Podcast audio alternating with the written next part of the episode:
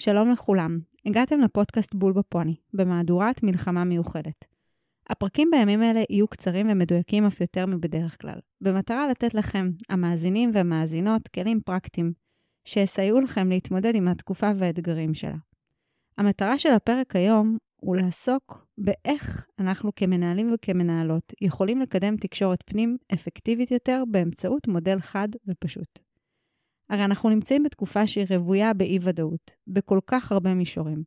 וכך גם בעבודה, בנוגע למשימות, משאבים, תקציבים, זמינות של עובדים, פרויקטים שמתעכבים, ועוד מלא דברים אחרים, שנובעים בעיקר מהמצב החדש, שתכלס, לצערנו, במידה רבה התרגלנו אליו, פשוט לחיות בשגרה של מלחמה. במצבי משבר, יש נטייה של ארגונים ואנשים לנקוט במדיניות של אחריות מרחיבה, ולקחת על עצמם עוד ועוד ועוד דברים. גם כדי להספיק כמה שיותר עד שאולי יבוא המשבר הבא שיקטע את הרצף, ולא ניתן יהיה באמת להמשיך בעשייה, או שאולי נידרש לצאת להפוגה יזומה, והרבה פעמים זה גם מתוך מקום שבמצבי משבר יש בנו איזשהו צורך גדול יותר להיות רלוונטיים ומשמעותיים, ולהרגיש שאנחנו עושים יותר ונותנים יותר. זה נותן לנו פשוט תחושה של שליטה מדומיינת. הבעיה היא שזה יכול להוביל לתחושת הצפה, להרגשה שהכל דחוף כאן ועכשיו, בנוהל בהול, הסורים על הגדרות.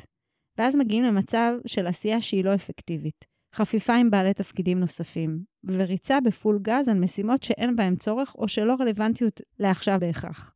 ועל כן, לנו כמנהלים וכמנהלות יש תפקיד משמעותי, קודם כל לתעדף, אבל בעיקר לתקשר כל הזמן בצורה אפקטיבית. כשיש הרבה שינויים ואילוצים, החשיבות של תקשורת פנים אפקטיבית עולה משמעותית. והיא קריטית כדי לאפשר לאנשים בארגון להיות מעודכנים, להבין את הציפיות העדכניות מהם, להפחית עמימות וחרדה, לתעדף עבורם את המשימות ולבנות אמון. במצבי משבר יש הרבה ספקות, תהיות, שברי מידע, אבל מתחת להכל יש עדיין עובדות. זו נקודת המוצא של תקשורת אפקטיבית. עובדות. על גבי העובדות אנחנו צריכים להלביש איזשהו עיקרון מארגן, רציונל, למה, תפיסת עולם, כל הפשטה רעיונית שתעזור לנו לצקת משמעות על גבי העובדות כדי לסדר את המחשבה של האנשים שלנו. למשל, אנחנו כרגע יודעים ש-1, 2, 3, ומאמינים שזה חלק ממגמה גדולה יותר של ככה וככה. אם היינו בהירים וברורים לגבי העובדות, ונתנו איזשהו סיפור מסגרת שאורז אותן ונותן להן פרשנות, כבר יצרנו המון בהירות סביב המציאות החדשה. בצורה הזו אנחנו יכולים וצריכים לתקשר גם שינויים ביחס למצב הרגיל, משימות חדשות, סידורי עבודה חדשים, משאבים מוגבלים. אנחנו נסביר בפשטות את העובדות שהובילו למצב החדש, נציע איזשהו סיפור מסגרת מארגן לגבי המשמעות שלהן עבורנו, ונייצר בהירות. אגב, מאוד מועיל גם לציין בבירור מה אנחנו לא יודעים כדי לסמן את הגבול העובדות והידע.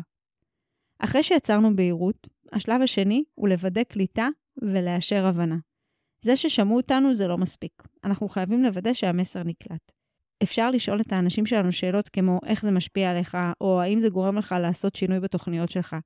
אלה שאלות שבונות על הידע שהוא עבר ומאתגרות אותו צעד אחד קדימה. ככה שאנשים שלנו חייבים להתמודד איתו ולהוריד אותו לביצוע. ככל שהמסר שלנו עובר יותר שכבות ארגוניות, ככה יותר חשוב שנעקוב אחריו עד הקצה, כדי לוודא קליטה ולאשר הבנה. תחשבו על טלפון שבור, וכמה שזה יכול להיות אסון ארגוני. אז אחרי שסיפקנו בהירות ואישרנו הבנה, אנחנו מגיעים לשלב האחרון והכי חשוב, עקביות. לא להניח שאנשים כבר יודעים או מסיקים את המסקנות הנכונות. כל הזמן לתקשר. כל הזמן לתת עדכונים שוטפים. גם אם אין חדש. זה לא עניין של להפציץ את הצוות במידע, זה רק עניין של עקביות. אגב, אני ממש ממליצה לקבוע לוח זמנים לעדכונים ולהיצמד אליו פעם ביום, פעם בשבוע, פחות חשובה התדירות כמו העקביות. זה פשוט יוצר הרגלים וציפייה, שבתורם גם עוזרים להתמודד עם אי-ודאות. אז שיהיה בהצלחה.